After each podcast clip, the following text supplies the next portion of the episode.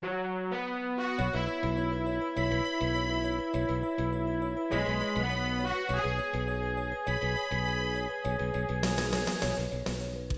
listening to Radio Free Asia. The following program is in Khmer.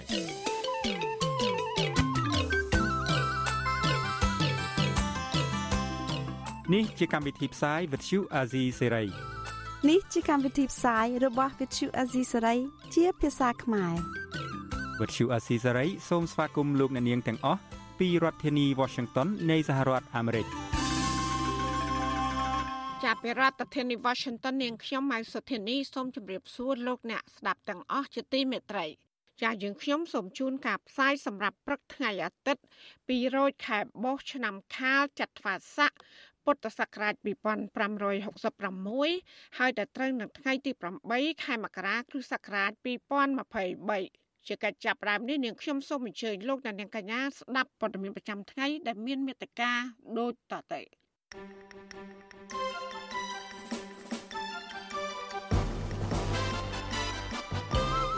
មន្ត្រីសង្គមស៊ីវិលនិងបពប្រឆាំង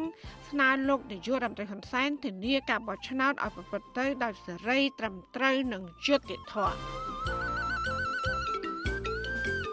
លោកហ៊ុនសែនប្រមានតាមកំចាត់លោកសំរងស៊ី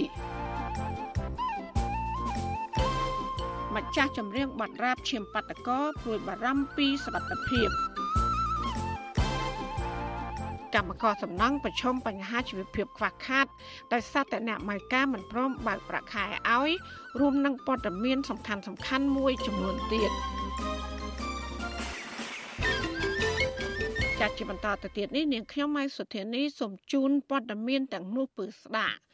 ចាលោកនានីជាទីមេត្រីមន្ត្រីអង្គការសង្គមស៊ីវិលនិងសកម្មជនគណបក្សប្រជាជាតិអំពាវនាវឲ្យលោកហ៊ុនសែនបើកចំហលទ្ធិប្រជាធិបតេយ្យតាមរយៈការបញ្ឈប់នៅសកម្មភាពគម្រិតកំហែងទៅលើក្រុមអង្គការសង្គមស៊ីវិលហើយនិងសកម្មជនគណបកដែលមាននានាការផ្ទុយពីរដ្ឋាភិបាល ដើម្បីធានាឲ្យមានការបោះឆ្នោតដោយសេរីត្រឹមត្រូវនិងយុត្តិធម៌ពួកគាត់អះអាងថាសង្គមស៊ីវិលនិងសកម្មជនបពប្រឆាំង តែងតែគោរពច្បាប់ក៏ប៉ុន្តែរដ្ឋាភិបាលទៅវិញទេ ដែលតែងតែរកលេសធ្វើទុកបុកម្នេញនិងចោតប្រកាន់ដោយគ្មានមូលដ្ឋានត្រឹមត្រូវជាប្រធានាធិបតី Washington លោកយ៉ងច័ន្ទដារារាយការណ៍ព័ត៌មាននេះមន្ត្រីអង្គការសង្គមស៊ីវិលនិងមន្ត្រីគណៈបកភ្លើងទៀនលើកឡើងថាដើម្បីធានាឲ្យមានការបោះឆ្នោតដោយត្រឹមត្រូវនិងយុត្តិធម៌លោកនាយករដ្ឋមន្ត្រីហ៊ុនសែនគួរតែបើកលំហលទ្ធិប្រជាធិបតេយ្យនិងគោរពសិទ្ធិមនុស្ស ជាជាងការគំរាមកំហែងនិងបន្តលៀបពណ៌ពួកគាត់ថាមិនបានគ្រប់ច្បាប់អ្នកសម្របសម្រួលផ្នែកអង្គការរបស់អង្គការឃ្លាំមើលការបោះឆ្នោត Confrel គឺលោកកនសវាងថ្លែងថាលោកនាយរដ្ឋមន្ត្រីហ៊ុនសែនគួរតែឈប់លៀបពណ៌លើក្រុមអង្គការសង្គមស៊ីវិលដែលធ្វើការដោយឯករាជ្យនៅក្នុងការសង្កេតការបោះឆ្នោតពីព្រោះក្រុមអង្គការសង្គមស៊ីវិលតែងតែធ្វើការប្រកបដោយវិជ្ជាជីវៈនិងមិនដែលរំលោភច្បាប់ឡើយលោកបន្ថែមថាក្រុមអាជ្ញាធរនៅតាមខេត្តមួយចំនួន បានគម្រាមកំហែងលើជនបង្គោលដែលស្ម័គ្រចិត្តសង្កេតការបោះឆ្នោតឲ្យអង្គការ Confrel រហូតដល់ធ្វើឲ្យពួកគេមួយចំនួនមិនហ៊ានសង្កេតការបោះឆ្នោតនោះឡើយទោះជាយ៉ាងណាលោកកនសវាងគាំទ្រឲ្យរដ្ឋាភិបាលចាត់វិធានការទប់ស្កាត់សកម្មភាពរបស់អង្គការសង្គមស៊ីវិលមួយចំនួនដែលមានទំនាក់ទំនងល្អជាមួយនឹងគណៈបកកណ្ដាលអំណាចនិងបានធ្វើសកម្មភាពរំលោភលើតួនាទីរបស់ក្រុមការងាររៀបចំការបោះឆ្នោត។ មានអាជ្ញាធរមូលដ្ឋានខ្លះគាត់លើកឡើងថាទៅធ្វើការងារជាមួយពួកបដិវត្តពណ៌ណាជាមួយអង្គការប្រឆាំងរដ្ឋាភិបាលទម្រង់បែបនេះហើយដែលធ្វើឲ្យដំណើរការហ្នឹងវាមិនមានភាពជឿជាក់បានទេពីព្រោះទម្រង់បែបនេះគឺជាទម្រង់ដែលរុញច្រានឲ្យមានការមិនសុខចិត្តពីការចូលរួមរបស់ដៃគូប្រកួតប្រជែងនឹងថែមទៀត ប្រតិកម្មរបស់មន្ត្រីអង្គការសង្គមស៊ីវិលបែបនេះគឺក្រោយពីប្រធានគណៈបកប្រជាជនកម្ពុជាលោកហ៊ុនសែនបានគម្រាមកំហែងនិងអំពាវនាវឲ្យអង្គការសង្គមស៊ីវិលនិងគណៈបកនយោបាយគោរពច្បាប់ដើម្បីធានាឲ្យការបោះឆ្នោតឆ្នាំ2023នេះប្រព្រឹត្តទៅដោយភាពត្រឹមត្រូវនិងយុត្តិធម៌លោកហ៊ុនសែនបញ្ចេញសារបែបនេះនៅក្នុងពេលលោកប្រារព្ធទិវាជ័យជំនះ7មករានៅកោះពេជ្ររាជធានីភ្នំពេញនៅថ្ងៃទី7មករា ខ្ញុំសូមអំពាវនាវដល់គ្រប់គណៈបកនយោបាយអង្គការនានានៃសង្គមស៊ីវិលប្រព័ន្ធព័ត៌មានអាជ្ញាធរនិងកងកម្លាំងមានសមត្ថកិច្ចគ្រប់គ្រងដាថ្នាក់គោរពខ្ជាប់ខ្ជួនតាមគោលការណ៍ច្បាប់ហើយរួបរวมទាំងអស់គ្នាក្នុងការពង្រឹងបរិយាកាសនយោបាយសម្រាប់ការបោះឆ្នោតប្រកបដោយលក្ខណៈអព្យាក្រឹតគ្មានការគំរាមកំហែងនិងសវត្ថិភាពដើម្បីធានាឲ្យការបោះឆ្នោតប្រព្រឹត្តទៅដោយសេរី ត្រឹមត្រូវនិងយុត្តិធម៌ការលើកឡើងរបស់លោកហ៊ុនសែនបែបនេះត្រូវបានគេមើលឃើញថាគ្រាន់តែជាចេតនាចង់បំភាន់សាធារណជនប៉ុណ្ណោះពីព្រោះកន្លងទៅក្រុមអង្គការសង្គមស៊ីវិលអ្នកនយោបាយបកប្រឆាំង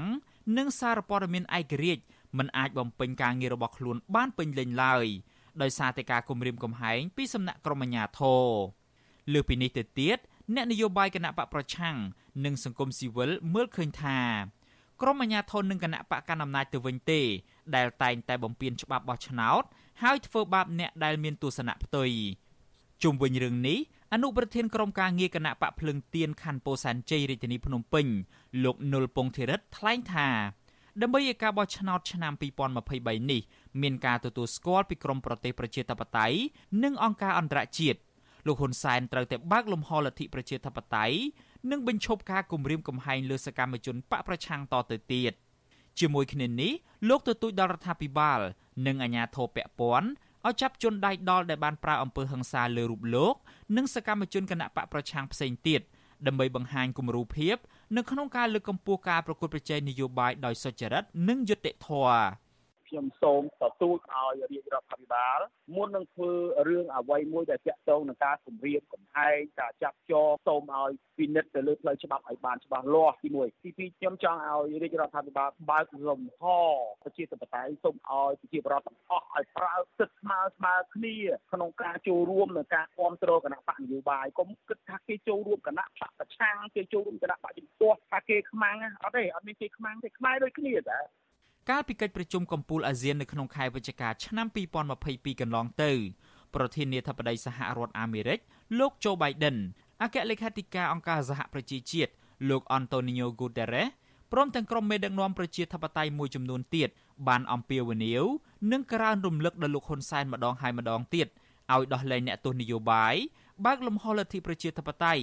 និងលើកកម្ពស់ការគោរពសិទ្ធិមនុស្សឡើងវិញស្របទៅតាមច្បាប់ជាតិនិងអន្តរជាតិ ដើម្បីឲ្យការបោះឆ្នោតអាចប្រព្រឹត្តទៅដោយសេរីត្រឹមត្រូវនិងយុត្តិធម៌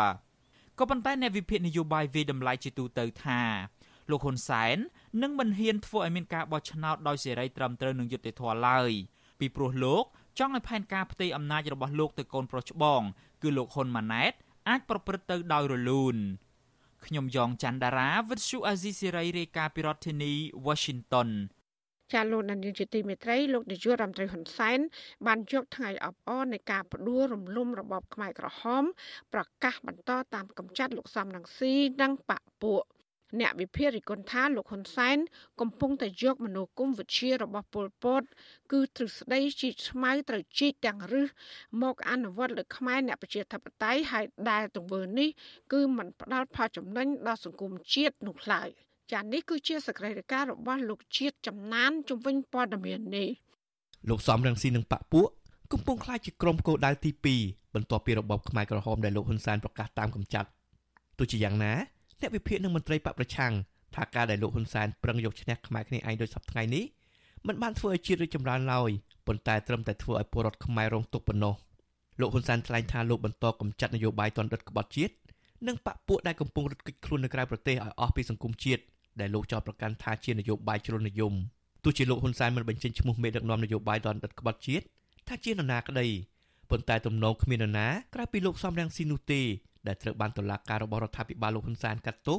ពីបទក្បត់ជាតិនិងបទឧក្រិដ្ឋជាច្រើនករណីផ្សេងទៀតលោកហ៊ុនសែនក៏តែងតែហៅលោកសំរងស៊ីថាជាមេតនដិតក្បត់ជាតិផងដែរ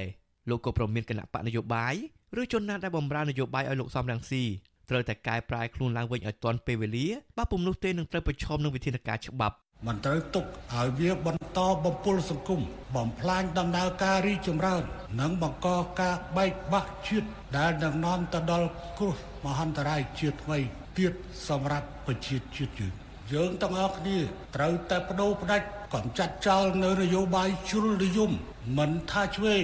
មិនថាស្ដាំឲ្យអស់ពីទឹកដីកម្ពុជា ដើម្បីធានាថាកម្ពុជាគ្មានសង្គ្រាមនិងការបែកបាក់ជាតិតទៅទៀត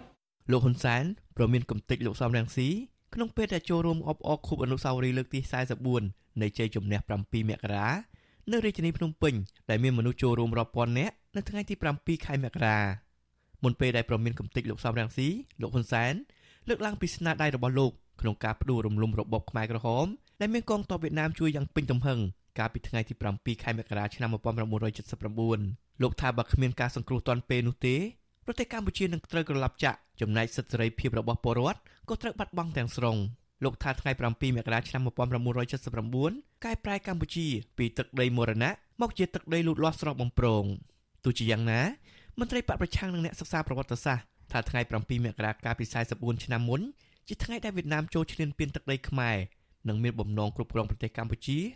ហើយវៀតណាមបានរៀបចំផែនការក5ឲ្យពលរដ្ឋខ្មែរជន់មីនស្លាប់ជាង2សែននាក់និងមនុស្សរាប់ម៉ឺននាក់ទៀតរបួសពិការរហូតមកដល់សប្តាហ៍នេះតើតើនឹងការប្រមានរបស់លោកហ៊ុនសែនពេលនេះមន្ត្រីជាន់ខ្ពស់គណៈបកសង្គ្រោះជាតិដែលកំពុងភៀសខ្លួននៅប្រទេសថៃលោកជាជីវយល់ថាសម្ដីរបស់លោកហ៊ុនសែនគ្រាន់តែជាការបំលាចបំផិតបំភ័យសកម្មជនបកប្រឆាំងនិងពលរដ្ឋប៉ុណ្ណោះប៉ុន្តែលោកយល់ថាពលរដ្ឋជប់ខ្លាចលោកហ៊ុនសែនទៀតហើយលោកជាជីវយល់ថាលោកសំរងស៊ីនិងអ្នកគ្រប់គ្រងគណៈបកសង្គ្រោះជាតិ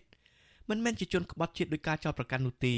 មន្ត្រីបពប្រឆាំងរូបនេះរិះគន់សារប្រមានរបស់លោកហ៊ុនសែនថាមិនបានធ្វើឲ្យប្រទេសជាតិរីកចម្រើនឡើយផ្ទុយទៅវិញមានតែការធ្វើឲ្យបែកបាក់ជាតិថែមទៀតប៉ុណ្ណោះដោយសារតែលោកប្រធានរបស់ខ្ញុំខ្លាំងដោយសារតែគ្មានគូប្រជែងណាក្រៅពីលោកប្រធានមកប្រកួតប្រជែងជាមួយនឹងសម្ដេចនាយករដ្ឋមន្ត្រីនោះទេបាទគូប្រកួតប្រជែងខ្លាំងទើបសម្ដេចនាយករដ្ឋមន្ត្រីគាត់មិនអនុញ្ញាតឲ្យចូលសៃវៀននយោបាយបាទ ចំណែកអ្នកវិភាគនយោបាយលោកកឹមសុខយល់ថាលោកហ៊ុនសែនទៅវិញទេជាអ្នកបំពុលសង្គមខ្មែរឲ្យស្អប់គ្នារហូតធ្វើឲ្យមានការបែកបាក់ជាតិធ្ងន់ធ្ងរលោកកឹមសុខបន្តថាលោកហ៊ុនសែនកំពុងបំរើមនោគមវិជ្ជារបស់ប៉ុលពតគឺជីកស្មៅត្រូវជីកទាំងរឹសដើម្បីបន្តផែនការដឹកនាំប្រទេសដោយគ្មានការប្រកួតប្រជែងត្រឹមត្រូវលោកកឹមសុខរំលឹកទៅលោកហ៊ុនសែនថាប្រសិនបើលោកចង់ឲ្យស្មារតី7មករាអាចបន្តគង់វង្សបានយូរគួរដល់ពេលដែលមេដឹកនាំរូបនេះ ធ្វើឲ្យពលរដ្ឋខ្មែររស់នៅបានសុខដោយត្រូវគោរពស្មារតីកិច្ចព្រមព្រៀងសន្តិភាពទីក្រុងប៉ារីសគោរពសិទ្ធិមនុស្សនិងប្រជាធិបតេយ្យឡើងវិញ ដូច្នេះហើយអត់មានពេលដែលខ្មែរបានសុខក្រោមការដឹកនាំរបស់លោកហ៊ុនសែននោះទេកុំថាឡើយលោកហ៊ុនសែនអស់ពីសក្ការៈលោកហ៊ុនសែនឈានដល់ហ៊ុនម៉ាណែតឲ្យតែប្រទេសនឹងក្រោមការដឹកនាំរបស់ក្រុមគ្រួសារហ៊ុនគឺមានតែនយោបាយជ្រុលនិយមកំទេចខ្មែរបំបែកបំបាក់ខ្មែរហើយបែរទៅជាចោតខ្មែរផ្សេងថាជ្រុលនិយមទៅវិញដើម្បីបំផ្លាញគេនយោបាយរបស់ក្រុមគ្រួសារហ៊ុននឹងមានតែប៉ុណ្្នឹងទេរាប់ពេលដែលលោកហ៊ុនសែនប្រកាសកំទេចលោកសំរងស៊ីនិងបពពួកតែងតែលេចមុខក្រុមមិនស្គាល់មុខ ចេញមកវាយធ្វើបាបសកម្មជនបកប្រឆាំងបង្កឲ្យរបួសស្នាមបើមិនដូច្នេះទេក៏តឡាការក្រុងភ្នំពេញបង្កើនការចាប់ខ្លួនសកម្មជនគណៈបកប្រឆាំងដែរលោកហ៊ុនសែនក៏ធ្លាប់ប្រកាសកាលពីឆ្នាំ2018ថាលោករៀបចំផែនការកម្ចាត់លោកសំរងស៊ីគឺដូចនឹងលោកកំទេចមេដឹកនាំខ្មែរក្រហមដែរខ្ញុំបាទជាចំណាន Visual ស៊ីស្រីប្រធានាទី Washington ចាលោកនាងកញ្ញាកំពុងស្ដាប់ការផ្សាយរបស់វិទ្យុអសីស្រីផ្សាយចេញពីរដ្ឋធានី Washington មន្ត្រីបពប្រឆាំងនិងសង្គមស៊ីវិលផ្នែកប្រឆាំងអំពើពុករលួយ លើកឡើងថាការប្រកាសទ្រព្យសម្បត្តិរបស់មន្ត្រីរាជការជាពិសេសគឺមន្ត្រីកម្ពុជាកម្ពុជារបស់រដ្ឋាភិបាល សម្រាប់ឆ្នាំ2023នេះ នៅតែមិនអាចបង្ហាញពីភាពស្អាតស្អំនិងមិនអាចកាត់បន្ថយអំពើពុករលួយបានឡើយតើមូលហេតុអ្វីបានជាពួកគេលើកឡើងបែបនេះចាសសេចក្តីរាយការណ៍ពិស្ដារអំពីរឿងនេះលោកនាងនឹងបានស្ដាប់នាពេលបន្តិចទៀតនេះ ចាលោកនាងកញ្ញាកំពុងស្ដាប់ការផ្សាយរបស់វិទ្យុអសីសេរីផ្សាយចេញពីរដ្ឋធានី Washington ជាដំណើរគ្នានឹងស្ដាប់ការផ្សាយរបស់វិទ្យុអសីសេរីតាមបណ្ដាញសង្គម Facebook និង YouTube លោកនាងកញ្ញាក៏អាចស្ដាប់ការផ្សាយរបស់វិទ្យុអសីសេរីតាមរយៈរលក ធាតុអាកាសខ្លីឬ short wave តាមកម្រិតនិងកម្ពស់ដូចតទៅចាប់ពេលព្រឹកចាប់ពីម៉ោង5កន្លះដល់ម៉ោង6កន្លះ តាមរយៈប៉ុស SW 9.39 MHz ស្មើនឹងកម្ពស់32ម៉ែត្រនិងប៉ុស SW 11.85 MHz ស្មើនឹងកម្ពស់25ម៉ែត្រចាសសម្រាប់ពេលយប់វិញចាប់ពីម៉ោង7កន្លះដល់ម៉ោង8កន្លះតាមរយៈប៉ុស SW 9.39 MHz ស្មើនឹងកម្ពស់32ម៉ែត្រប៉ុស SW 11.88 MHz ស្មើនឹងកម្ពស់25ម៉ែត្រនិងប៉ុស SW 15.15 MHz ស្មើនឹងកម្ពស់20ម៉ែត្រចាសសូមអរគុណ ចាលោកអ្នកស្ដាប់ជាទីមេត្រីម្ចាស់ប័ណ្ណចម្រៀងរ៉ាបឈាមបតកោព្រួយបារម្ភពីសវត្ថិភាពផ្ទាល់ខ្លួនបន្ទាប់ពីរដ្ឋមន្ត្រីក្រសួងវប្បធម៌បានស្នើឲ្យមេប៉ូលីសចាត់វិធានការតាមច្បាប់ ចំពោះការផ្សព្វផ្សាយប័ណ្ណចម្រៀងរបស់គាត់ចាសង្គមស៊ីវិលចាត់ទុកថាការចោទប្រកាន់និងការប្រមានរបស់ក្រសួងវប្បធម៌គឺជាការគំរាមកំហែងនិងការរដ្ឋបិទសិទ្ធិសេរីភាពចាសសូមស្ដាប់សេចក្តីរាយការណ៍របស់លោកយុនសាមៀនជំវិញព័ត៌មាននេះ ដូចតទៅអ្នកចម្រៀង rap លោកគៀសគុណលើកឡើងថា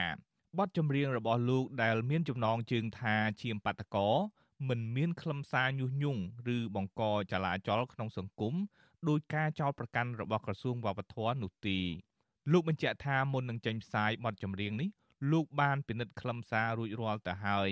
លោកយល់ថាការដែលក្រសួងវប្បធម៌ស្នើទៅអគ្គស្នងការនគរបាលជាតិ ចាត់វិធានការទប់ស្កាត់ការផ្សព្វផ្សាយបទចម្រៀងរបស់លោកនេះបណ្ដាលឲ្យលោកព្រួយបារម្ភពីសវត្ថិភាពខ្ញុំគ្រាន់តែចង់ស្នើទៅគាត់ថាឲ្យគាត់ពិនិត្យទៅលើខ្លឹមសារចម្រៀងនឹងម្ដងទៀតមួយទៀតបើសិនជាគាត់ពិនិត្យហើយម្ដងទៀតហើយមានគាត់យល់ថាវាជាការញុះញង់បកកចលាចលនោះមែនហើយគាត់ក៏ហៅឬក៏គាត់ខាត់ខ្លួនខ្ញុំខ្ញុំទៅជួបឲ្យបំភ្លឺឬក៏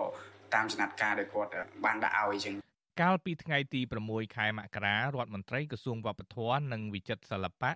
អ្នកស្រីភឿងសក្កណាបានចេញលិខិតស្នើសុំអគ្គស្នងការនគរបាលជាតិលោកនេតសាវឿនឲ្យចាត់វិធានការតាមផ្លូវច្បាប់ ចំពោះការផ្សព្វផ្សាយបទចម្រៀងដែលមានចំណងជើងថាឈាមបាតកោអ្នកស្រីចោទប្រកាន់ថាបទចម្រៀងនេះមានខ្លឹមសារញុះញង់អាចបង្កជាអសន្តិសុខនិងសន្តិភាពសង្គមការស្នើរបស់អ្នកស្រីភឿងសក្កណានេះ គឺធ្វើឡើងបន្ទាប់ពីក្រុមអង្គការសង្គមស៊ីវិលរួមមានអង្គការលីកាដូ និងអង្គការសង្ត្រាល់បានផ្សព្វផ្សាយវីដេអូបទចម្រៀងឈាមបាតកោនៅលើបណ្ដាញសង្គម Facebook ក្នុងឱកាសខួប9ឆ្នាំនៃការបាញ់បង្ក្រាបបង្ហូរឈាមពីសំណាក់រដ្ឋាភិបាលទៅលើក្រុមបាតកោនៅលើផ្លូវវែងស្រេងវីដេអូបទចម្រៀងឈាមបាតកោមានរូបភាពក្រុមបាតកោកំពុងធ្វើការដង្ហែក្បួនបាតកម្មនៅលើដងផ្លូវវែងស្រេង ដែលត្រូវក្រុមសមត្ថកិច្ចបាញ់និងវាយបង្ក្រាបដោយហិង្សា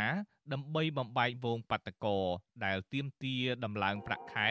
កាលពីឆ្នាំ2014បញ្ចប់ដោយឈឺចាប់អ្នកណាខ្លះដែលបានឃើញអ្នកណាខ្លះដែលបានស្ដាប់អ្នកណាខ្លះដែលចងចាំអ្នកណាខ្លះដែលបានភ្លេចស្រក់ទឹកភ្នែកស្រែកទៀមទាដើម្បីចង់បានសិទ្ធ9ឆ្នាំកន្លងផុតបន្សល់នៅទុកដ៏ក្រំក្រៀមទិដ្ឋ ភាពដ៏អនិច្ចាកាយាពោពេញដោយឈាមអ្នកខ្លះបាត់ខ្លួនស្ងាត់ស្ងៀមបទចម្រៀងឈាមបាតកោមានអត្ថន័យរំលឹកដល់វីរភាពរបស់សហជីពនិងអ្នកតស៊ូដើម្បីសិទ្ធិការងារនិងទាមទារដំឡើងប្រាក់ឈ្នួលដោយយកសាច់ស្រស់ឈាមស្រស់ទៅតទល់ដោយមិនខ្លាចដំបងក្របកំភ្លើងដើម្បីមនុស្សចំនួនក្រោយមានប្រាក់ខែសមរម្យពាក់ព័ន្ធទៅនឹងរឿងនេះមន្ត្រីជាន់ខ្ពស់សមាគមការពារសិទ្ធិមនុស្សអាត6លោកយីសុកសាននិយាយថា ក្រុមអង្គការសង្គមស៊ីវិលធ្វើការរំលឹកខួប9ឆ្នាំនៃការឈឺចាប់និងបានបង្ហោះបទចម្រៀងឈាមបាតកោមិនមែនជាការញុះញង់អ្វីនោះទេព្រោះព្រឹត្តិការណ៍នោះបានកើតឡើងពិតមែនលោកថាកាលពីឆ្នាំ2014អាញាធរប្រើហិង្សាធ្វើបាបចាប់ដាក់គុកនិងបាញ់កម្មករបណ្ដាលឲ្យរងរបួសនិងស្លាប់ជាដើមលោកបន្ថែមទៀតថាការរំលឹកការឈឺចាប់មិនមែនជារឿងញុះញង់នោះទេ អ្វីដែលគៀតសគុណលោកនិយាយជួនកាលវាជាការពិតរឿងការពិតមិនអាចវាជារឿងញុះញង់ទេខ្ញុំលើកឧទាហរណ៍ថា មានការបាញ់សម្លាប់ប្រជាពលរដ្ឋស្លាប់មែនដូចការទៀមទារបស់កម្មករហ្នឹងវាមានស្លាប់មែនដូច្នេះអាការដែលគាត់និយាយរំលឹកឡើងវិញមិនមែនជាការញុះញង់ទេហើយដូចជាការបូមពលិចប្រទេសប្រជាជននៅបឹងកក់បឹងអីហ្នឹងអាហ្នឹងគឺមានពលិចមែនបូមមែនបើសិនជាយើងយករឿងហ្នឹងយកមកនិយាយមានន័យថាយើងញុះញង់មិនមែនញុះញង់ទេ កាលពីឆ្នាំ2020លោកគៀសគុណធ្លាប់ត្រូវបានតុលាការចោទប្រកាន់ពីបទញុះញង់ឲ្យប្រព្រឹត្តបទឧក្រិដ្ឋជាអាតនិងកាត់ទោសឲ្យជាប់ពន្ធនាគាររយៈពេល1ឆ្នាំ6ខែហើយលោកត្រូវតុលាការដោះលែងកាលពីខែកញ្ញាឆ្នាំ2021កាលនោះលោកបានច្រៀងចម្រៀងរិះគន់បញ្ហាកើតឡើងនៅក្នុងសង្គមក្រោមការដឹកនាំរបស់លោកនាយករដ្ឋមន្ត្រីហ៊ុនសែនបទចម្រៀងទាំងនោះ រៀបរាប់ពីរឿងរ៉ាវឈឺចាប់នៅក្នុងសង្គមដូចជាអំពើអយុត្តិធម៌បញ្ហាសេដ្ឋកិច្ចធ្លាក់ចុះកំណើនពលរដ្ឋធ្វើចំណាក់ស្រុក និងពលករក្រីក្រដើរសុំទាន បញ្ហាព្រំដែនអំពើពុករលួយ និងការធ្លាក់ចុះគុណធម៌សង្គមជាដើមវីដេអូចម្រៀងដែលមានចំណងជើងថាដីខ្មែរមានអ្នកចូលទស្សនារាប់លាននាក់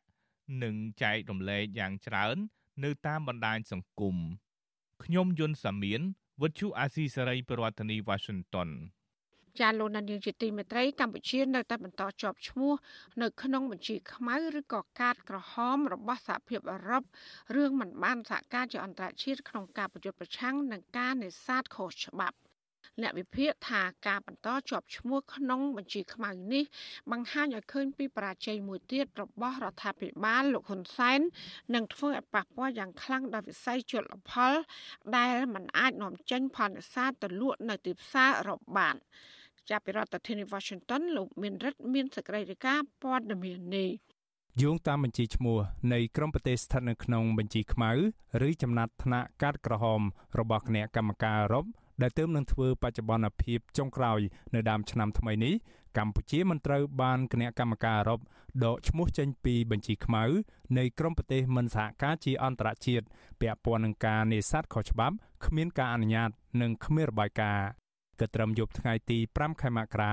Visual C ស្រីមិនអាចតាក់ទងអគ្គនាយករដ្ឋបាលជលផល លោកពុំសថានិងអ្នកនាំពាក្យក្រសួងកសិកម្មអ្នកនាងអឹមរចនាដើម្បីសូមអធិប្បាយជុំវិញចំណាត់ការរបស់គណៈកម្មការអឺរ៉ុបដែលនៅតែមិនព្រមដកកម្ពុជា ចេញពីបញ្ជីខ្មៅឬកាតក្រហម នៃក្រមប្រទេសកំពុងអភិវឌ្ឍដែលមិនបានសហការជាអន្តរជាតិនៅក្នុងរឿងប្រយុទ្ធប្រឆាំងនឹងអំពើនេសាទខុសច្បាប់ នៅមុនពេលធ្លាក់ពីតំណែងរដ្ឋមន្ត្រីកសិកម្មលោកវែងសខុនកាលពីដើមខែតុលាឆ្នាំ2022ធ្លាប់បានជួបជាមួយនឹងអគ្គនាយកកិច្ចការសមុទ្រនិងជលផលរបស់សហភាពអឺរ៉ុបគឺលោកស្រី Chalina Vicheva នៅអគ្គនាយកដ្ឋានកិច្ចការសមុទ្រនិងជលផលនៃសហភាពអឺរ៉ុប កាលនោះលោកបានសន្យាជាមួយភាគីសហភាពអឺរ៉ុបនៅក្នុងការរួមគ្នាលុបបំបាត់ចោលការនេសាទខុសច្បាប់គ្មានការអនុញ្ញាត និងគ្មានរបាយការណ៍ពីដែនសមុទ្រកម្ពុជា និងនៅដែនសមុទ្រអន្តរជាតិជាពិសេសនៅពេលដែលច្បាប់ស្តីពីជលផលថ្មីត្រូវចូលជាធរមានអ្នកវិភាគនយោបាយលោកកឹមសុខ ដែលបច្ចុប្បន្នកំពុងរស់នៅភៀសខ្លួននៅប្រទេសហ្វាំងឡង់មើលឃើញថាការបន្តដាក់កម្ពុជាចូលក្នុងបញ្ជីខ្មៅនៃក្រមប្រទេសមិនសហការ នៅក្នុងការប្រយុទ្ធប្រឆាំងនឹងការនេសាទខុសច្បាប់នេះគឺជាបរាជ័យនិងជាការរឹតបន្តឹងមួយទៀតរបស់សហភាពអឺរ៉ុបមកលើរដ្ឋាភិបាលលោកហ៊ុនសែន លោកបន្តថាការនេះអាចធ្វើឲ្យវិស័យជលផលនៅកម្ពុជា ទទួលរងនៅផលប៉ះពាល់ខ្លាំងដោយមិនអាចនាំផលនេសាទទៅលក់នៅទីផ្សារអឺរ៉ុបបានសហភាពអឺរ៉ុបគេដាក់ក្នុងបញ្ជីខ្មៅឬក៏កាតក្រហម ការនាំត្រីពីប្រទេសកម្ពុជាទៅអឺរ៉ុបมันអនុញ្ញាតឲ្យធ្វើបានទេដូច្នេះវាប៉ះពាល់ទៅដល់ផលិតកម្មត្រីនៅក្នុងប្រទេសកម្ពុជាខ្លាំងណាស់ទី1ត្រីធម្មជាតិនាំទៅអឺរ៉ុបមិនបាន ម្ល៉េះហើយអ្នករកត្រីធំធំនឹងមានការកកស្ទះទី2អាជីវកម្មត្រីស្របច្បាប់នៅប្រទេសកម្ពុជានាំទៅអឺរ៉ុបមិនបាននាំបានទៅត្រឹមតែប្រទេសថៃឬក៏ប្រទេសវៀតណាមប្រកួតប្រជែងមិនឈ្នះប្រទេសទាំងពីរនេះទេហើយចំណុចមួយទៀតផលិតកម្មដែលតាក់ទងទៅនឹងការផលិតត្រីកំប៉ុងអីជាដើមតើអាចទៅរួចទេគេអាចពិនិត្យដល់កម្រិតនឹងទេដែលថានាំពីប្រទេសកម្ពុជាទៅអឺរ៉ុបមិនបានទៀតនោះ ចាប់តាំងពីខែមីនាឆ្នាំ2014មកគណៈកម្មការអឺរ៉ុបបានដាក់បញ្ចូលកម្ពុជា ទៅក្នុងបញ្ជីខ្មៅនៃក្រុមប្រទេសដែលមិនសហការជាអន្តរជាតិនៅក្នុងការប្រយុទ្ធប្រឆាំងនឹងការនេសាទខុសច្បាប់ការបន្តដាក់បញ្ចូលកម្ពុជាទៅក្នុងបញ្ជីខ្មៅរបស់អឺរ៉ុបនៅពេលនេះធ្វើឲ្យកម្ពុជា នៅតែក្លាយជាប្រទេសតែមួយគត់នៅក្នុងតំបន់អាស៊ីដែលត្រូវបានគណៈកម្មការអឺរ៉ុបដាក់ក្នុងចំណាត់ថ្នាក់បែបនេះ ចាប់តាំងពីឆ្នាំ2012មកនៅទូទាំងពិភពលោកមានប្រទេសក្រីក្រចំនួន6ដែលជាប់នៅក្នុងបញ្ជីខ្មៅរបស់អឺរ៉ុបនេះក៏ប៉ុន្តែមានតែប្រទេសចំនួន3ប៉ុណ្ណោះដែលបានរួចខ្លួនចេញពីបញ្ជីខ្មៅរបស់អឺរ៉ុបវិញក្រោយពីអឺរ៉ុបរកឃើញថាប្រទេសទាំងនោះបានកែលម្អការអនុវត្តច្បាប់ប្រឆាំងទៅនឹងការនេសាទខុសច្បាប់ដែលនៅក្នុងនោះរួមមានប្រទេសស្រីលង្កា សាធារណរដ្ឋហ្គីណេនិងប្រទេសបេលីស នៅពេលដាក់បញ្ចូលកម្ពុជានៅក្នុងបញ្ជីខ្មៅរបស់អឺរ៉ុបជាលើកដំបូងកាលពីដើមឆ្នាំ2014គណៈកម្មការអឺរ៉ុបបានរកឃើញថាកម្ពុជាបានប្រាជ័យនៅក្នុងការអនុវត្តកាតព្វកិច្ចក្រមច្បាប់អន្តរជាតិប្រាជ័យក្នុងការអនុវត្តក្របខ័ណ្ឌច្បាប់សមស្របកង្វះយន្តការតាមដានគ្រប់គ្រងនិងធ្វើអធិការកិច្ចប្រកបដោយប្រសិទ្ធភាពរួមទាំងប្រព័ន្ធនៃការដាក់ទណ្ឌកម្មពាក់ព័ន្ធទៅនឹងការនេសាទខុសច្បាប់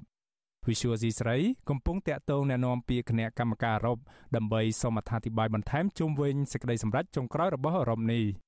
របាយការណ៍របស់ក្រុមស្រាវជ្រាវសភាអឺរ៉ុបឬ EPRS ចេញផ្សាយកាលពីខែតុលាឆ្នាំ2022ឲ្យដឹងថាការនេសាទខុសច្បាប់គ្មានការអនុញ្ញាត និងគ្មានរបាយការណ៍ត្រូវបានទទួលស្គាល់ជាទូទៅថា បង្កឲ្យមានបញ្ហាបរិស្ថានសេដ្ឋកិច្ចនិងសង្គមគួរឲ្យកត់សម្គាល់ ទង្វើទាំងនេះគឺជាហានិភ័យចម្បងមួយដល់ប្រព័ន្ធអេកូឡូស៊ីសមុទ្របង្អាក់ទីផ្សារលក់ដូរគ្រឿងសមុទ្រនិងបង្កភាពអយុត្តិធម៌សម្រាប់អ្នកនេសាទដែលមានការទទួលខុសត្រូវរបាយការណ៍ដដែលបន្តថាមូលហេតុចម្បងមួយ ដែលនាំឲ្យមានបញ្ហានេសាទខុសច្បាប់នេះគឺដោយសារតែការបរាជ័យរបស់រដ្ឋពាក់ព័ន្ធនៅក្នុងការដាក់ពិន័យដល់ទូកនេសាទដែលប្រតិបត្តិការក្រោមទង់ជាតិរបស់ខ្លួន កម្ពុជាក្រោមការដឹកនាំរបស់លោកនាយរដ្ឋមន្ត្រីហ៊ុនសែននិងគណៈបកប្រជាជនកម្ពុជាអស់រយៈពេលជាង30ឆ្នាំមកនេះបានបន្តជាប់ក្នុងចំណាត់ថ្នាក់អាក្រក់របស់សហគមន៍អន្តរជាតិជាបន្តបន្ទាប់ជាក់ស្ដែងកម្ពុជាជាប់ផុងដកខ្លួនមិនរួចនៅក្នុងបញ្ជីប្រភេទនៃក្រមប្រទេសលៀងលួយកខ្វក់ជាប្រទេសពូកែខាងរំលោភច្បាប់ ប្រព្រឹត្តអំពើពុករលួយ បំផ្លិចបំផ្លាញភូកទ្របជាតិនិងប្រៃឈើជាដើមខ្ញុំបាទមេរិត Visual Asia ស្រីរាយការណ៍ពីរដ្ឋធានី Washington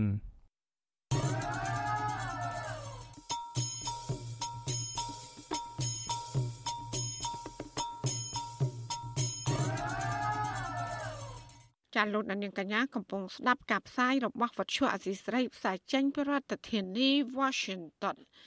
ចាពាក់ព័ន្ធនឹងកម្មករសំណង់វិញក្រុមកម្មករសំណង់នៅតាមការដ្ឋានមួយចំនួនត្អូញត្អែពីបញ្ហាជីវភាពប្រចាំថ្ងៃដែលអះអាងថាពួកគាត់ត្រូវបានអ្នកម៉ៅការសំណង់កេងប្រវ័ញ្ចលើកម្លាំងពលកម្មដោយមិនបានបើកប្រាក់ឈ្នួលឲ្យមន្ត្រីសង្គមស៊ីវិលជំរុញឲ្យកម្មករវិស័យសំណង់ចូលរួមជាមួយសហជីពនិងស្នើអាជ្ញាធរពាក់ព័ន្ធគួរដោះស្រាយបញ្ហានេះជូនកម្មករសំណង់តាមផ្លូវច្បាប់ ចាសសេចក្តីរាយការណ៍ពិស្ដារពីស្ថានភាពកម្មករសំណង់នេះលោកណានៀងក៏នឹងបានស្ដាប់នាពេលបន្តិចទៀតនេះចាលោកណានៀងជាទីមេត្រីវັດជុអសីស្រីសូមជូនដំណឹងថាយើងគ្មានអ្នកយកព័ត៌មានប្រចាំទៅប្រទេសកម្ពុជានោះឡើយបើសិនជាមានជនណាម្នាក់អះអាងថាជាអ្នកយកព័ត៌មានឲ្យវិទ្យុអសីស្រីនៅកម្ពុជានោះ គឺជាការក្លែងបន្លំយកឈ្មោះរបស់បច្ចុប្បន្នស៊ីសេរី ក្នុងគោលបំណងទុច្ចរិតរបស់បុគ្គលនោះចាសសូមអរគុណ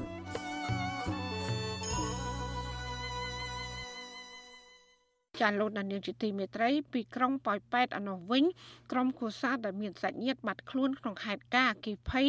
ឆេះអាគារកាស៊ីណូ Grand Diamond អះអាងថាពួកគេនៅមិនទាន់ទទួលបានដំណឹងពីសមាជិកគ្រួសាររបស់ពួកគេដែលបាត់ខ្លួននៅឡើយពួកគេថាអាញាធរកម្ពុជាខ្វះការទទួលខុសត្រូវ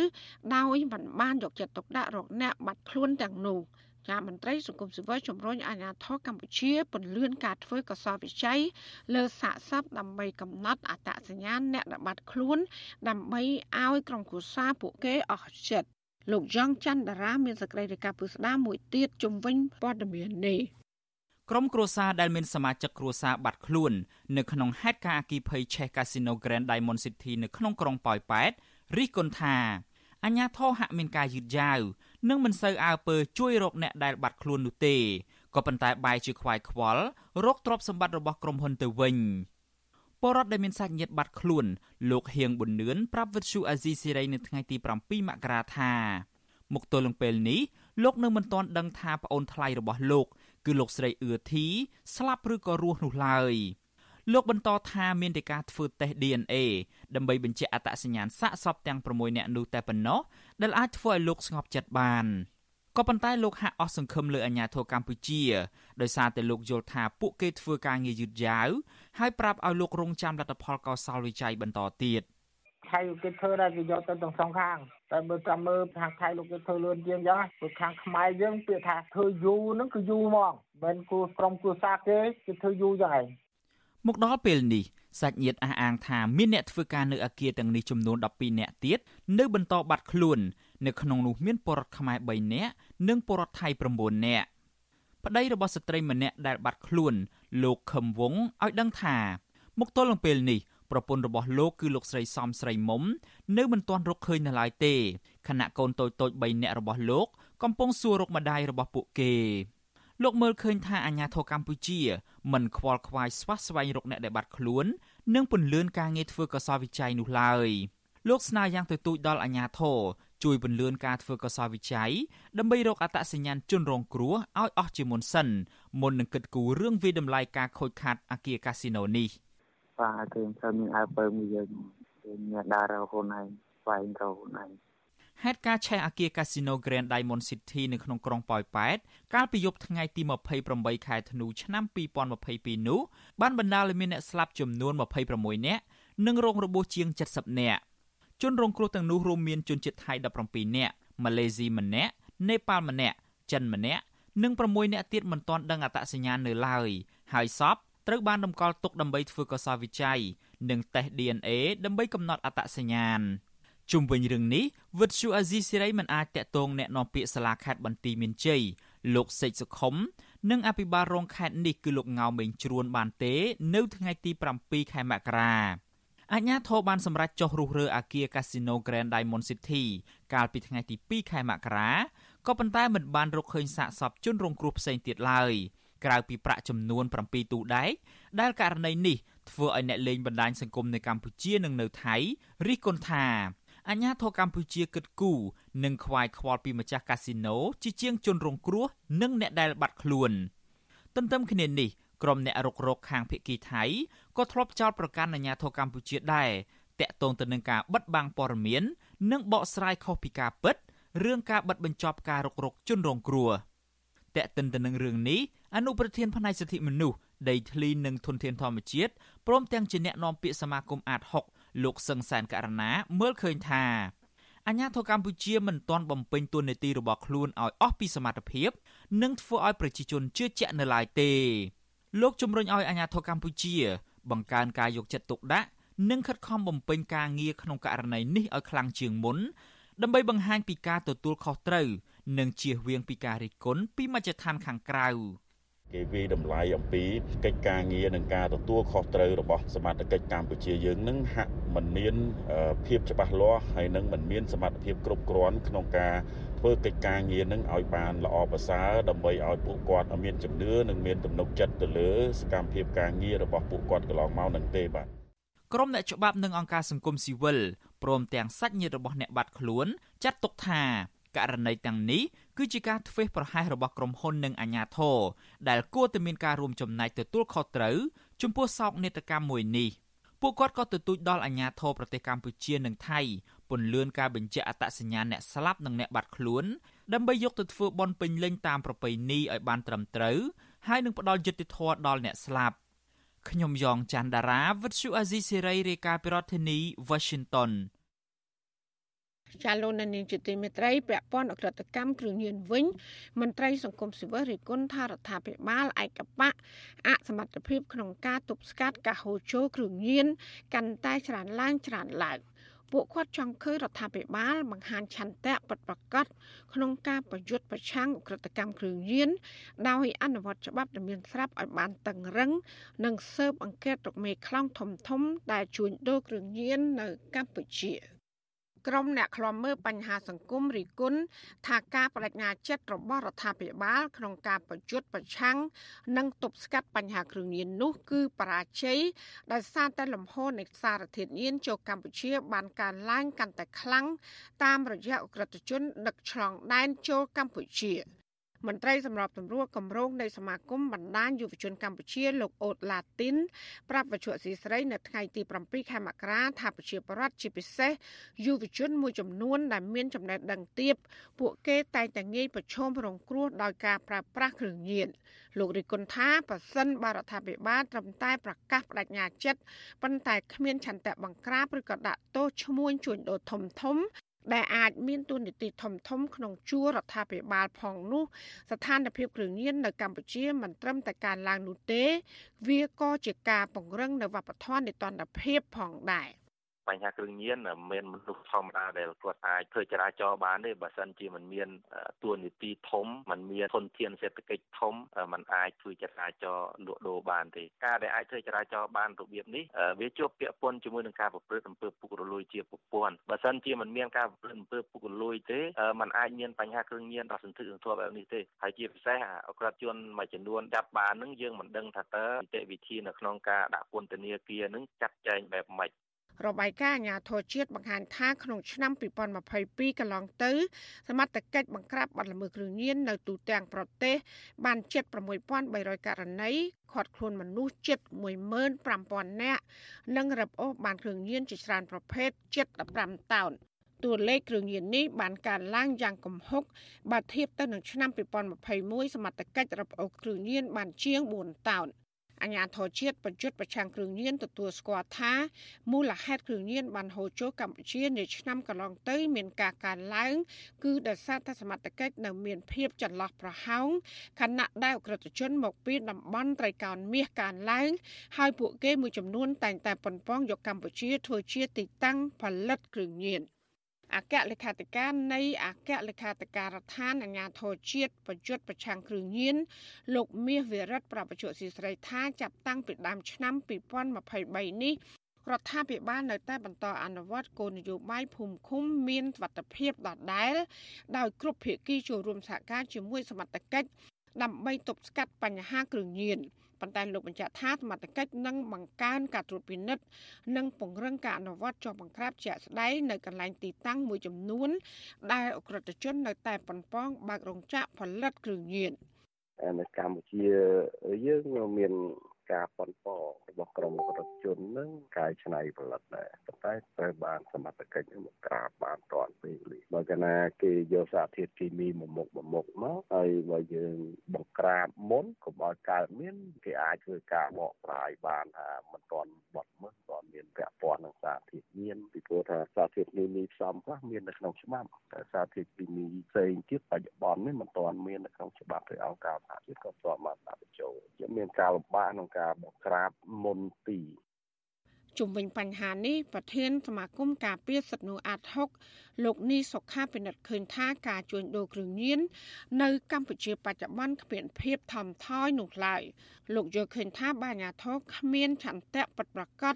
ក្នុងការបង្ក្រាបឈ្មោះជួញដូរលំហូរគ្រឿងញៀននឹងនៅតែបន្តកើនឡើង ពីព្រោះលោកអះអាងថាបុគ្គលដែលអាចជួញដូរគ្រឿងញៀនទ្រង់ទ្រាយធំ និងដឹកឆ្លងចូលកម្ពុជាបាន គឺពួកគេអាចជាមនុស្សមានលុយនិងមានអំណាច។ បើសិនបើរដ្ឋាភិបាលមិនចាត់វិធានការចំពោះបញ្ហាគ្រឿងញៀនពិសេសគឺបើយើងចាត់វិធានការអ្នកជួញដូរតូចតាចហើយយើងដឹងហើយថាការជួញដូរគ្រឿងញៀននេះគឺសិតតែមានខ្សែរយៈដូច្នេះរដ្ឋាភិបាលគួរតែធ្វើយ៉ាងណាស្រាវជ្រាវរកឫសគល់នៃ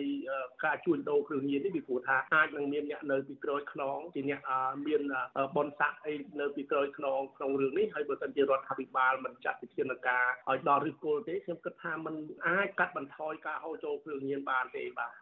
តកតងនឹងបញ្ហាគ្រឿងញៀននេះដែររដ្ឋមន្ត្រីក្រសួងមហាផ្ទៃលោកសខេងកាលពីពេលថ្មីថ្មីនេះប្រកាសថាចំពោះអ្នកដែលប្រឡងចូលមន្ត្រីរាជការគ្រូបង្រៀនជាពិសេសកងកម្លាំងប្រដាប់អាវុធត្រូវតែមានការត្រួតពិនិត្យសុខភាពជាមុន លោកបន្តថាប៉ះសិនបើពិនិត្យឃើញថាមានសារធាតុញៀននោះទោះបីពួកគេមានចំណេះចេះដឹងនិងជំនាញយ៉ាងណាក្តីក៏មិនត្រូវអនុញ្ញាតឲ្យប្រឡងចូលការងារក្របខ័ណ្ឌរដ្ឋនោះឡើយ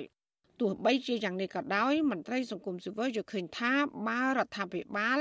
គ្មានការរឹតបន្តឹងនិងអនុវត្តច្បាប់ដែលមានស្រាប់ជាពិសេសតាមចាប់មេខ្លោងធំធំដែលជាប់ពាក់ព័ន្ធនឹងការជួញដូរគ្រឿងញៀននេះកម្ពុជានឹងមានវិបត្តិសង្គមបញ្ហាអសន្តិសុខនិងមានបាត់ល្មើសអក្រកម្មកាន់តែច្រើនបន្ថែមទៀត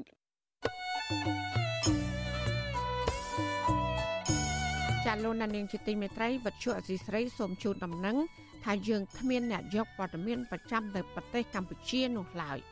បើសិនជាមានជនណាម្នាក់អះអាងថាជាអ្នកយកព័ត៌មានឲ្យវិទ្យុអសីស្រីនៅកម្ពុជានោះគឺជាការក្លែងបន្លំយកឈ្មោះរបស់វិទ្យុអសីស្រី ក្នុងគោលបំណងទុច្ចរិតរបស់បុគ្គលនោះចាសសូមអរគុណ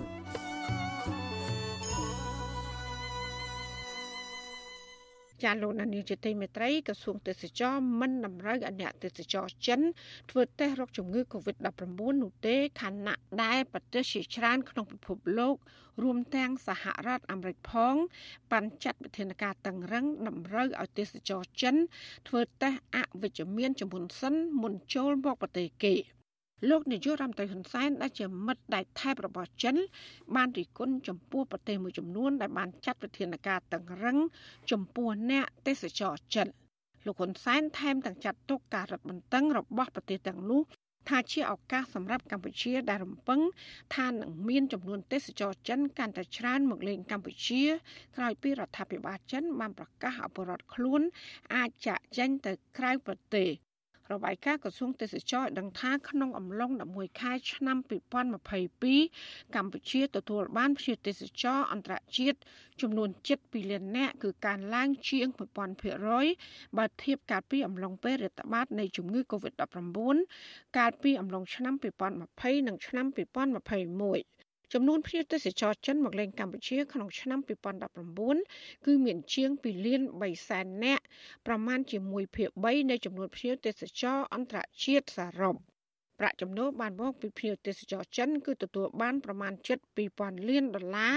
ក្នុងចំណោមប្រាក់ចំណូលសរុបជាង5,000លានដុល្លារដែលបានមកពីភ្ញៀវទេសចរអន្តរជាតិក្នុងអំឡុងឆ្នាំ2019 ពាក់ព័ន្ធនឹងការរាតត្បាតឡើងវិញនៃជំងឺ Covid-19 នៅប្រទេសចិននេះដែរអង្គការសុខភាពពិភពលោកសហរដ្ឋអាមេរិកនិងប្រទេសជាច្រើនទៀតព្រួយបារម្ភជាខ្លាំងដោយសារតែអាញាធរចិនមិនបានបញ្ចេញព័ត៌មានច្បាស់លាស់ពីចំនួនអ្នកឆ្លងអ្នកស្លាប់និងប្រភពនៃជំងឺ Covid-19 បំផ្លែងថ្មីនោះឡើយ។ អង្គការសុខភាពពិភពលោកក៏បានពន្យាអាញាធរចិន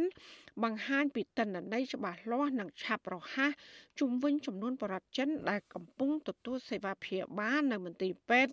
និងចំនួនអ្នកស្លាប់ដើម្បីទប់ស្កាត់ការរីករាលដាលឡើងវិញនៃប្រជាពលរដ្ឋនៅក្នុងពិភពលោកបន្ថែមពីនេះរដ្ឋាភិបាលចិនត្រូវពង្រឹងវិធានការចាក់ថ្នាំបង្ការជំងឺ Covid-19 ក្នុងនោះរួមទាំងដូសជំរុញផងសម្រាប់មនុស្សចាស់ ចំណែកឯនៅសហរដ្ឋអាមេរិកនេះវិញក្រុមអ្នកវិទ្យាសាស្ត្រកំពុងព្រួយបារម្ភពីជំងឺ Covid-19 បំផ្លែងថ្មី ប្រភេទ XBB.1.5 ដែលឆ្លងខ្លាំងនិងឆាប់រហ័សហើយអាចឆ្លងទៅមនុស្សគ្រប់គ្រប់គ្នាបើទោះបីជាពួកគេប្រុងប្រយ័ត្នចាក់ថ្នាំបង្ការជំងឺ Covid-19 គ្រប់ដូសរួចហើយ ឬក៏ធ្លាប់កើតជំងឺ Covid-19 ពីមុនក៏ដោយ។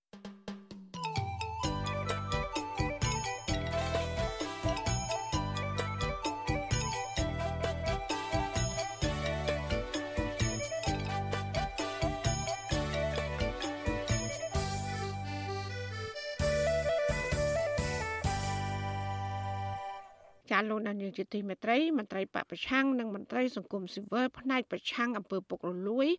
លើកឡើងថាការប្រកាសទ្រព្យសម្បត្តិរបស់មន្ត្រីរាជការជាពិសេស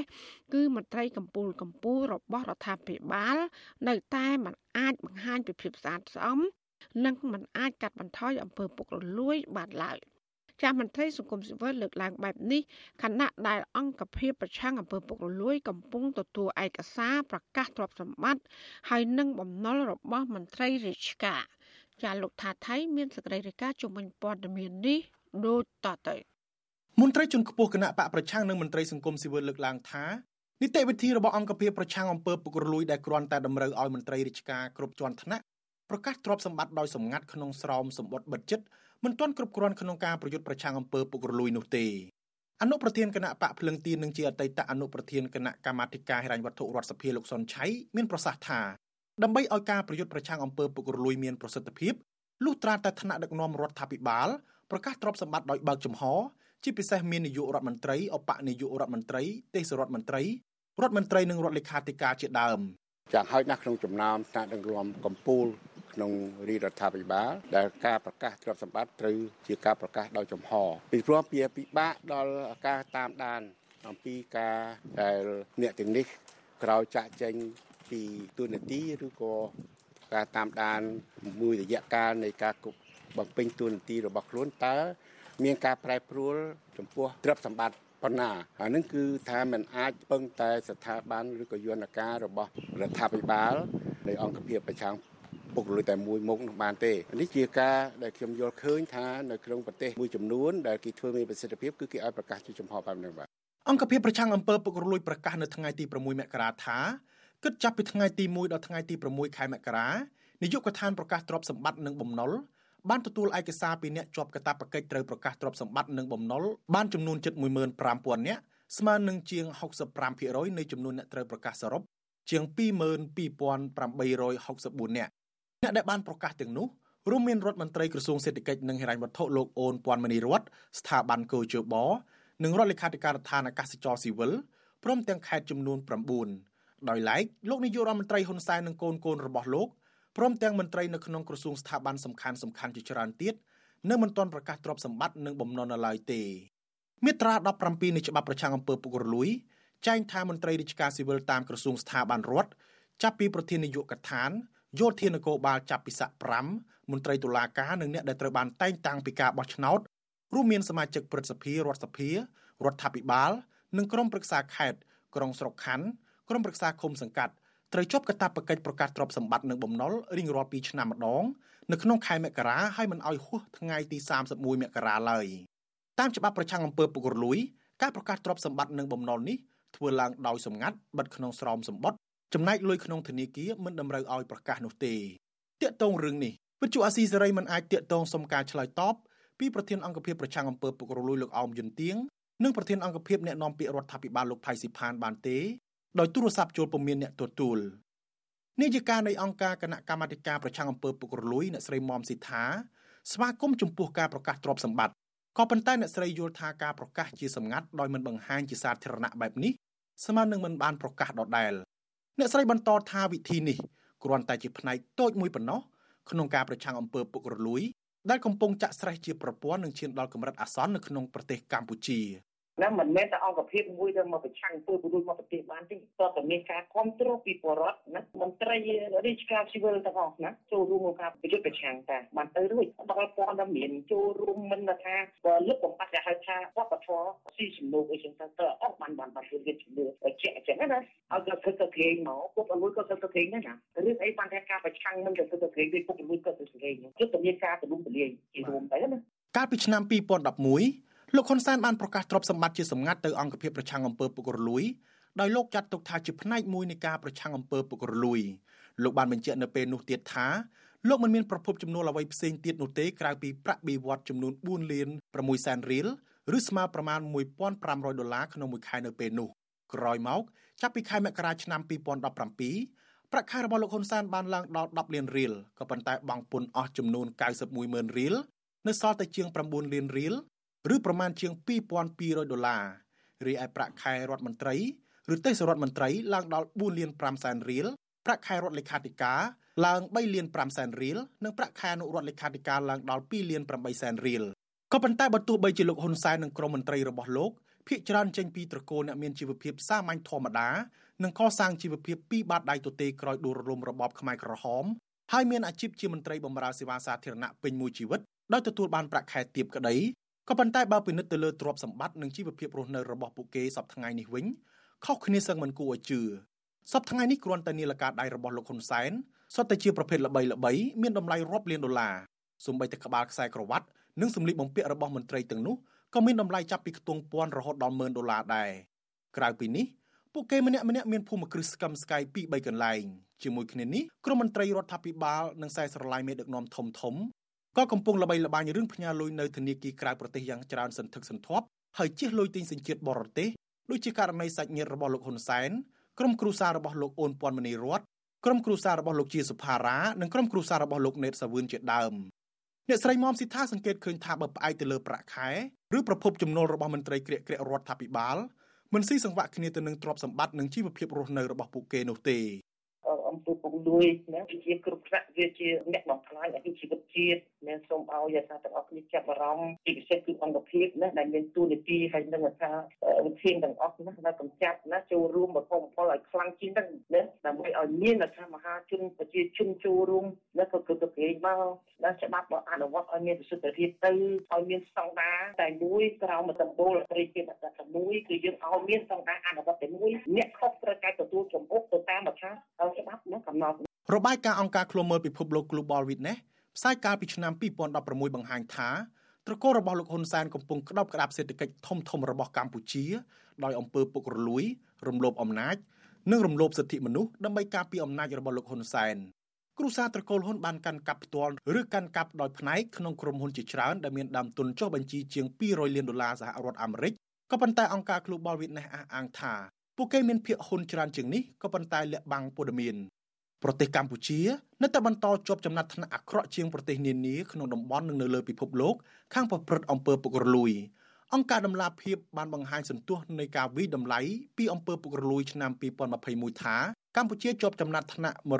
157ក្នុងចំណោមប្រទេសនិងដែនដីសរុបចំនួន180អ្នកខ្លំមើលយល់ថាប្រសិនបើអង្គភាពប្រឆាំងអំពើពុករលួយមានឆន្ទៈប្រយុទ្ធប្រឆាំងអំពើពុករលួយពិតប្រាកដមែននោះបើទោះបីជាពួកគេដាក់បិទភ្នែក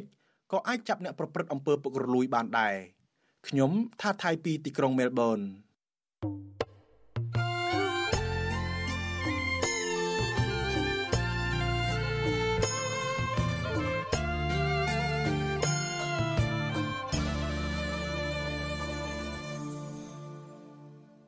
ជាលោកនានីជាទីមេត្រីក្រុមកម្មការសំណង់នៅតាមការដ្ឋានមួយចំនួនត្អូញតែពីបញ្ហាជីវភាពប្រចាំថ្ងៃដោយអះអាងថាពួកគាត់ត្រូវបានអ្នកម៉ៅការសំណង់កេងប្រវ័ញ្ចលើកម្លាំងពលកម្មដោយមិនបើកប្រាក់ឈ្នួលឲ្យមន្ត្រីសង្គមស៊ីវិលជំរុញឲ្យកម្មករវិស័យសំណង់ចូលរួមជាមួយសហជីពនិងស្នើឲ្យអាជ្ញាធរពាក់ព័ន្ធគួរដោះស្រាយបញ្ហានេះជូនកម្មករតាមផ្លូវច្បាប់ ចាអ្នកស្រីធ្ងន់អមរារីកាពុស្ដាជំវិញព័ត៌មាននេះបញ្ហាជីវភាពនិងចំណេះដឹងនៅមានកម្រិតបានធ្វើឲ្យប្រជាពលរដ្ឋមួយចំនួនសម្រេចចិត្តធ្វើជាកម្មករសំណង់ដើម្បីរកកម្រៃទ្រទ្រង់ការរស់នៅប្រចាំថ្ងៃប៉ុន្តែខុសពីការរំពឹងទុកកម្មករមួយចំនួនលើកឡើងថាពួកគាត់នៅតែស្ថិតក្នុងជីវភាពយ៉ាប់យ៉ឺនដដែលបន្ទាប់ពីថៅកែនិងអ្នកម៉ៅការសំណង់កេងប្រវ័ញ្ចកម្លាំងពលកម្មដោយមិនបើកប្រាក់ឈ្នួល។ កម្មករសំណង់ផ្នែកបោកជញ្ជាំងក្នុងការដ្ឋានសាងសង់វីឡាមួយនៅខេត្តបាត់ដំបង លោកព្រំរដ្ឋាប្រាប់វិទ្យុអាស៊ីសេរីថាលោកទទួលបានតម្លៃពលកម្មចំនួន40000រៀលក្នុងមួយថ្ងៃប៉ុន្តែជីវភាពនៅតែខ្វះខាតដោយសារអ្នកម៉ៅការមិនបើកប្រាក់ឈ្នួលឲ្យលោកឡើយលោកបញ្ជាក់ថាលោកនិងកម្មករដទៃទៀតបានជួបករណីកេងប្រវ័ញ្ចមួយនេះញឹកញាប់មកហើយដោយសារនៅការដ្ឋានសាងសង់ភ ieck ច្រើន មិនបានចុះកិច្ចសន្យាស្ដីពីលក្ខខណ្ឌការងាររវាងកម្មករនិងអ្នកម៉ៅការឬថៅកែឡើយម្ចាស់ផ្ទះអីគេមិនអីទេភាកច្រើនដើម្បីការបានលុយគេអត់ឲ្យទៅទៅស្រុកទៅអីបាត់ក្រសួងរៀបចំដែនដីនគរឬពាណិជ្ជកម្មនិងសំណង់បានចេញរបាយការណ៍សិក្សាស្រាវជ្រាវទៅលើប្រាក់ចំណូលរបស់កម្មករនៅក្នុងវិស័យសំណង់កាលពីឆ្នាំ2019 បានកំណត់តម្លៃពលកម្មសម្រាប់កម្មករគ្មានជំនាញទទួលបានពី30000រៀលទៅ40000រៀលក្នុងមួយថ្ងៃកម្មករមានជំនាញនិងមេជាងទទួលបានពី40000រៀលទៅ60000រៀលក្នុងមួយថ្ងៃទោះជាយ៉ាងនេះក្តីកម្មករសំណង់មួយចំនួនអះអាងថាពួកគេនៅតែទទួលបានប្រាក់ឈ្នួលទាបក្រោម30000រៀលក្នុងឆ្នាំ2023នេះ ពួកគេលើកឡើងថាស្របពេលដែលការងារសំណង់ជាប្រភេទការងារដែលត្រូវប្រើកម្លាំងពលកម្មច្រើន ហើយទទួលបានកម្រៃតិចនិងប្រឈមនឹងគ្រោះថ្នាក់ដល់ជីវិតផងនោះ ពួកគេមិនទទួលបានការធានារ៉ាប់រងអាយុជីវិតឡើយកម្មករសំណង់មួយទៀតនៅខេត្តបៃលិន គឺលោកយ៉ានធឿនឲ្យដឹងថាលោកបានធ្វើការក្នុងការដ្ឋានសាងសង់បរិយាមួយកន្លែង ដោយទទួលបានតម្លៃពលកម្ម 30000រៀលក្នុងមួយថ្ងៃឯប្រពន្ធលោកទទួលបាន22000រៀលក្នុងមួយថ្ងៃលោកបន្តថាថាកែមិនបានបើកប្រាក់ឈ្នួលឲ្យលោកនិងប្រពន្ធអស់រយៈពេល160ថ្ងៃមកហើយលោកថាដោយសារការកេងប្រវ័ញ្ចកម្លាំងពលកម្មពីអ្នកម៉ៅការសាងសង់បានធ្វើឲ្យលោកនិងកម្មករដទៃទៀតកាត់បន្ថយលើការចំណាយម្ហូបអាហារនិងការចំណាយដែលបណ្ដាលឲ្យលោក និងកម្មករមួយចំនួនធ្លាក់ខ្លួនឈឺដោយសារខ្វះអាហារូបត្ថម្ភ ថ្ងៃមុនប្រពន្ធខ្ញុំឈឺខ្លាំងគាត់ទៅពេទ្យមួយថ្ងៃ3ដង ស្រែកថាបងសុំខ្ចីលុយ100000គាត់ថាមានទេឥឡូវឲ្យ50000មកចាយ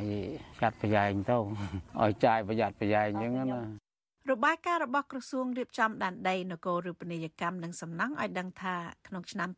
2022កម្មករនិយោជិតផ្នែកសំណង់នៅប្រទេសកម្ពុជា មានចំនួនប្រមាណពី250000នាក់ពាក់ព័ន្ធរឿងនេះ Vithu Azizi សេរីមិនអាចតាក់ទងแนะនាំពាក្យក្រសួងកាងារនិងបណ្ដោះបណ្ដាលវិជ្ជាជីវៈលោកហេងសួរបានទេនៅថ្ងៃទី6មករាសហជីពកម្មករសំណង់តែងលើកឡើងថាបច្ចុប្បន្នកម្មករសំណង់កំពុងប្រឈមបញ្ហាចំនួន3រួមមានបញ្ហាប្រាក់ឈ្នួល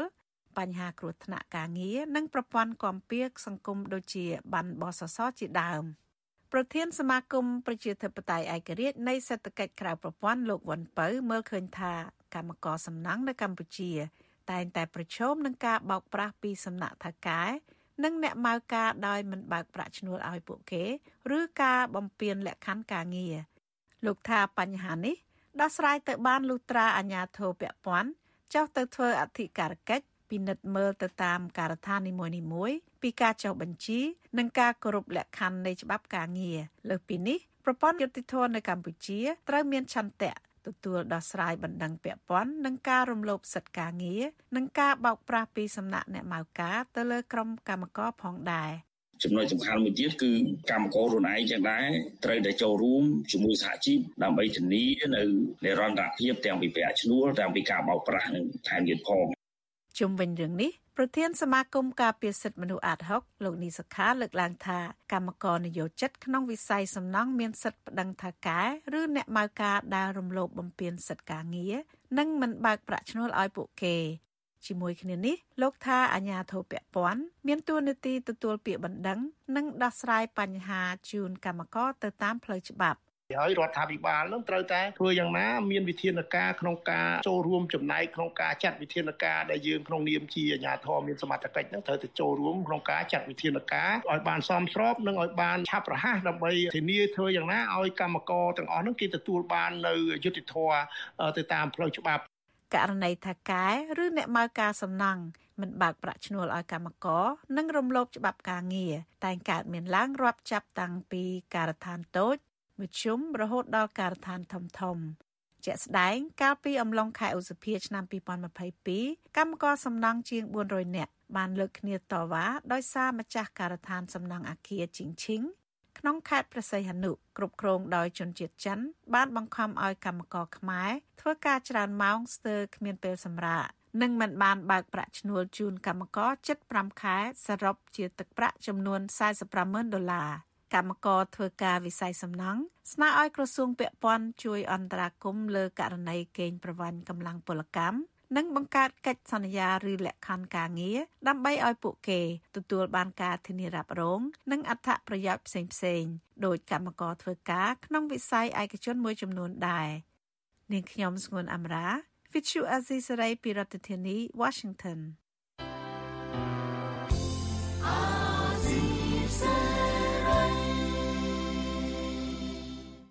ចាលោកលានកញ្ញាអ្នកស្ដាប់ជាទីមេត្រីការផ្សាយរយៈពេល1ម៉ោងរបស់វិទ្យុអាស៊ីស្រីជាភាសាខ្មែរនៅពេលនេះចាប់តែប៉ុណ្ណេះចាយើងខ្ញុំទាំងអស់គ្នាសូមជូនពរលោកលាននិងក្រុមគ្រួសារទាំងអស់សូមជួបប្រកបតែនឹងសេចក្តីសុខសេចក្តីចម្រើន ជានិរន្តរ៍ចានាងខ្ញុំម៉ៃសុធានីព្រមទាំងក្រុមការងារទាំងអស់របស់អាស៊ីស្រីសូមអរគុណនិងសូមជម្រាបលា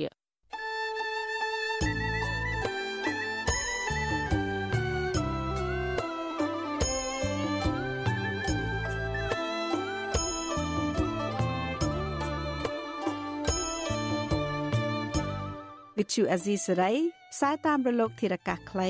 ឬ shortwave តាមកម្រិតនិងកម្ពស់ដូចតទៅនេះ ពេលព្រឹកចាប់ពីម៉ោង5កន្លះដល់ម៉ោង6កន្លះតាមរយៈប៉ុស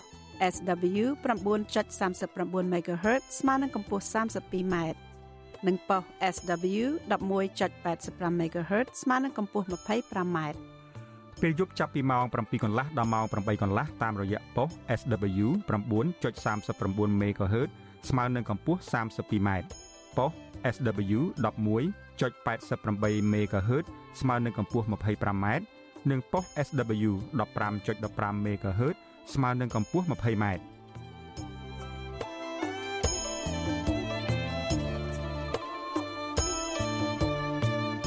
លោកអ្នកនាងក៏អាចស្ដាប់ការផ្សាយផ្ទាល់ តាមប្រព័ន្ធអ៊ីនធឺណិតដោយចូលទៅកាន់គេហទំព័រ www.rfa.org/ ខ្មែរក្រៅពីនេះលោកអ្នកនាងក៏អាចអាននិងទស្សនាព័ត៌មានវិទ្យុអេស៊ីសេរីលើទូរស័ព្ទដៃរបស់លោកអ្នកផ្ទាល់សូមលោកអ្នកនាង ចូលទៅកាន់កម្មវិធី Facebook រួចស្វែងរកពាក្យ RFA ខ្មែរនិង YouTube ដោយស្វែងរកពាក្យ RFA ខ្មែរសូមលោកអ្នកនាងចុច like និងចុច subscribe ដើម្បីទទួលបានព័ត៌មានថ្មីៗបានហេតុការនិងទស្សនាវីដេអូផ្សេងៗទៀតបានគ្រប់ពេលវេលា។